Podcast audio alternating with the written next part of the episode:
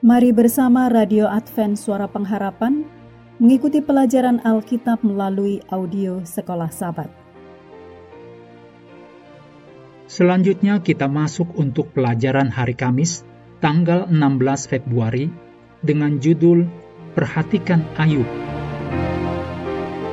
Mari kita mulai dengan doa singkat yang didasarkan dari Matius 25 ayat 45.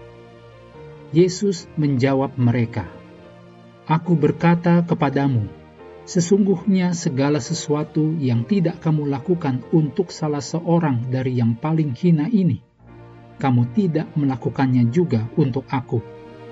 Amin.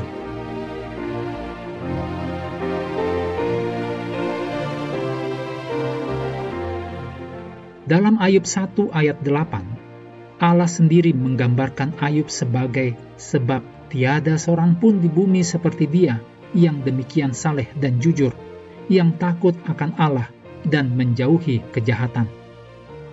Sangat baik, bahkan Tuhan menyebut Ayub saleh dan jujur. Begitu saleh dan jujurnya, sehingga tidak ada seorang pun di bumi pada waktu itu yang dapat sama seperti Ayub. Sekali lagi, ini adalah perkataan Allah sendiri, kata demi kata tentang Ayub Bahkan setelah Ayub menghadapi satu malapetaka kepada malapetaka yang lain, Allah mengulangi apa yang pertama kali Allah katakan tentang Ayub, bahwa tidak ada satu orang di bumi yang sama dengan dia, saleh dan jujur, dan seterusnya, kecuali kemudian satu unsur yang baru ditambahkan. Ayub masih tetap dengan keadaan itu. Meskipun engkau atau iblis telah membujuk aku melawan dia untuk mencelakakannya tanpa alasan.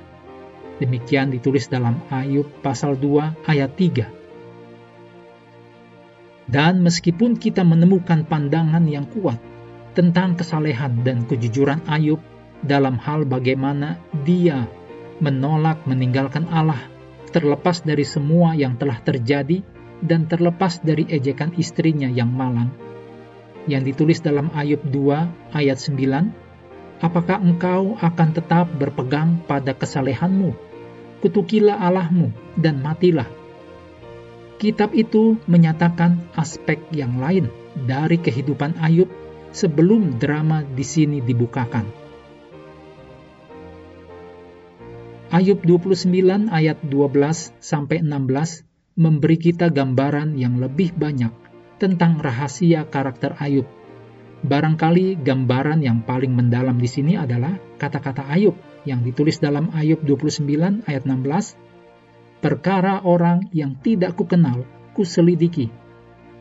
Dengan kata lain, Ayub tidak sekedar menunggu. Misalnya peminta-minta mendekatinya untuk meminta sedekah. Akan tetapi, Ayub proaktif mencari orang yang membutuhkan dan bertindak. Ellen G. White menyarankan di dalam Testimony for the Church jilid 5, halaman 151, jangan menunggu mereka atau orang miskin untuk menarik perhatianmu terhadap kebutuhan-kebutuhan mereka. Bertindaklah seperti Ayub, perkara yang dia tahu tidak dicarinya, pergilah mencari dan pelajari apa yang dibutuhkan serta bagaimana cara terbaik menyediakannya. Ini adalah tingkat tinggi dari pengaturan keuangan dan penata layanan atas sumber daya Allah yang melebihi apa yang dipraktekkan oleh banyak anak-anak Tuhan sekarang ini. Kita perlu menerapkan sekarang ini yang dikatakan dalam Yesaya 58 ayat 6 sampai 8. Bukan berpuasa yang kuhendaki, ialah supaya engkau membuka belenggu-belenggu kelaliman dan melepaskan tali-tali kuk, supaya engkau memerdekakan orang yang teraniaya dan mematahkan setiap kuk, supaya engkau memecah-mecah rotimu bagi orang yang lapar dan membawa ke rumahmu orang miskin yang tak punya rumah dan apabila engkau melihat orang telanjang, supaya engkau memberi dia pakaian, dan tidak menyembunyikan diri terhadap saudaramu sendiri, pada waktu itulah terangmu akan merekah seperti fajar, dan mukamu akan pulih dengan segera. Kebenaran menjadi barisan depanmu, dan kemuliaan Tuhan barisan belakangmu. Mengakhiri pelajaran hari ini, mari kembali kepada ayat hafalan Matius 25 ayat 34. Dan raja itu akan berkata kepada mereka yang di sebelah kanannya, Mari, hai kamu yang diberkati oleh Bapakku, terimalah kerajaan yang telah disediakan bagimu sejak dunia dijadikan.